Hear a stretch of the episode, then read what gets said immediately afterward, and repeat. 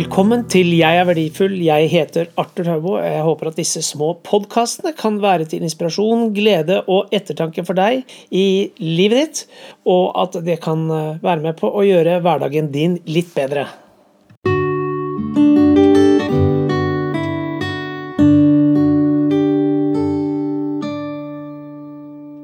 Kjære venn, det har vært en ganske lang stund siden vi snakket sammen sist. Eller jeg hadde noe på hjertet. Det er en grunn til det. Det har vært veldig mange ting å gjøre.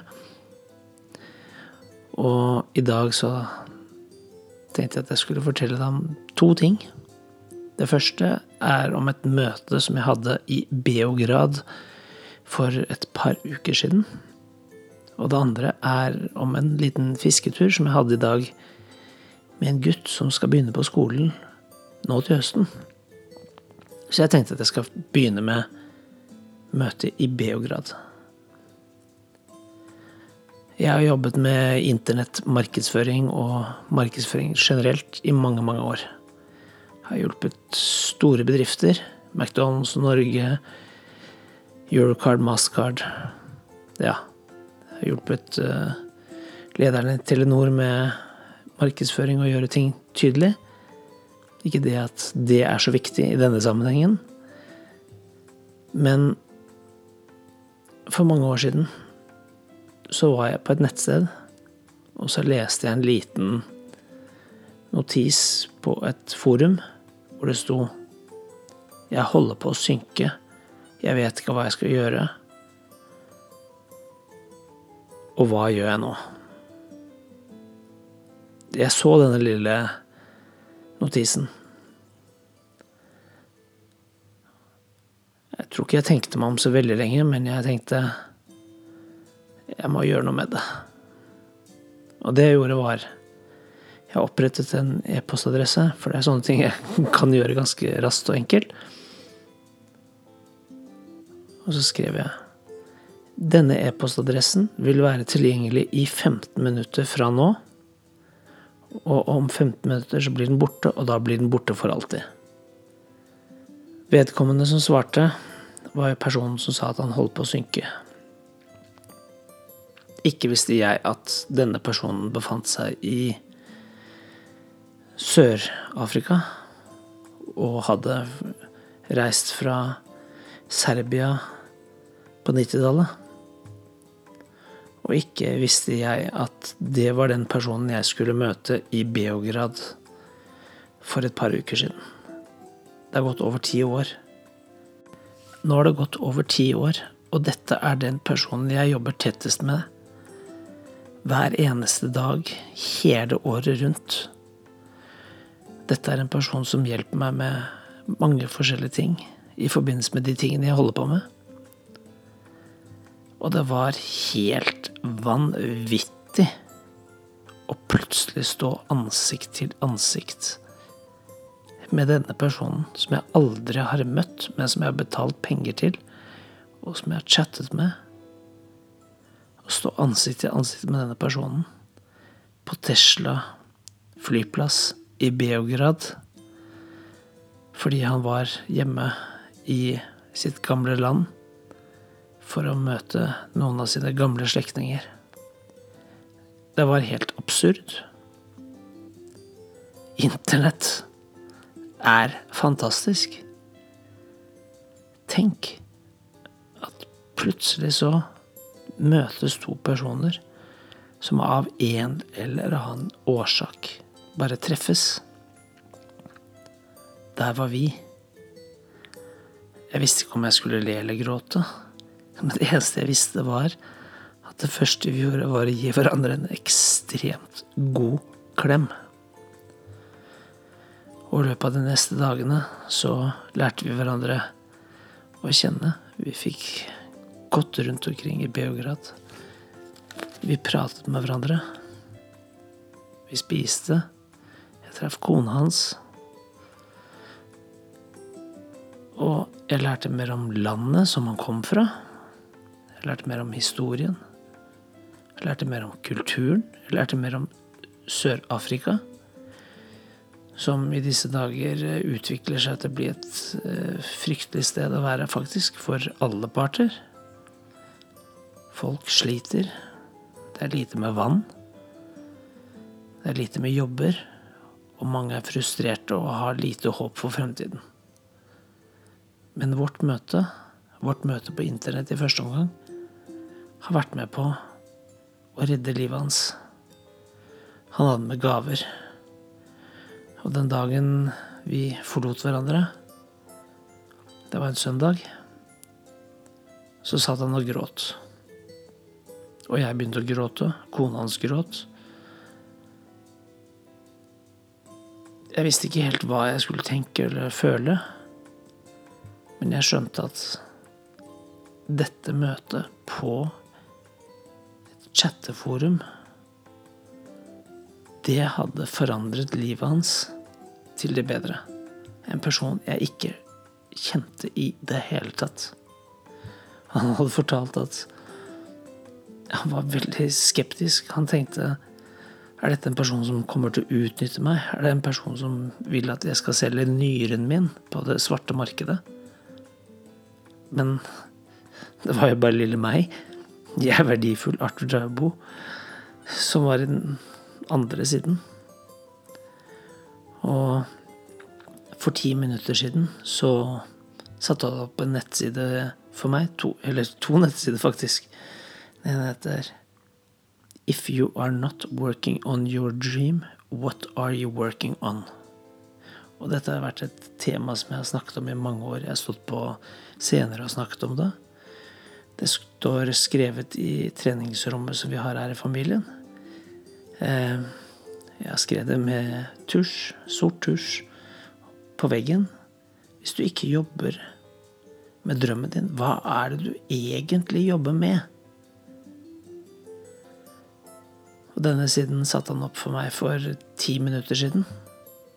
Faktisk. Jeg fikk en liten Skype-melding fra han at han hadde satt opp. Og han utvikler ting for meg og vår bedrift som er med på å gjøre ting bedre for andre mennesker. Så er internett bra eller dårlig? Teknologi er verken bra eller dårlig. Det kan bli brukt til det dårlige, det kan bli brukt til det veldig bra. Teknologi har ikke følelser. Teknologi er ikke menneske. Men sånne små møter er utrolig viktig. Det har forandret livet mitt, og det har forandret livet hans og hans familie. Og vi kommer til å fortsette vårt vennskap, som bare plutselig oppsto, og det kommer til å vare Jeg regner med resten av livet. Og nå tenkte jeg at jeg skulle snakke om fisketuren jeg hadde med en gutt som skal starte på skole til høsten. Han hadde snakket om å få en gjedde. Han ønsket å komme inn i avisen. Dette er en eh, gutt som vi har på besøk en gang iblant. Og vi dro av sted. Først eh, tidligere på dagen så var vi ute og padlet med kano. Han og søsteren og min kone Maria og jeg. Vi hadde en kjempefin tur.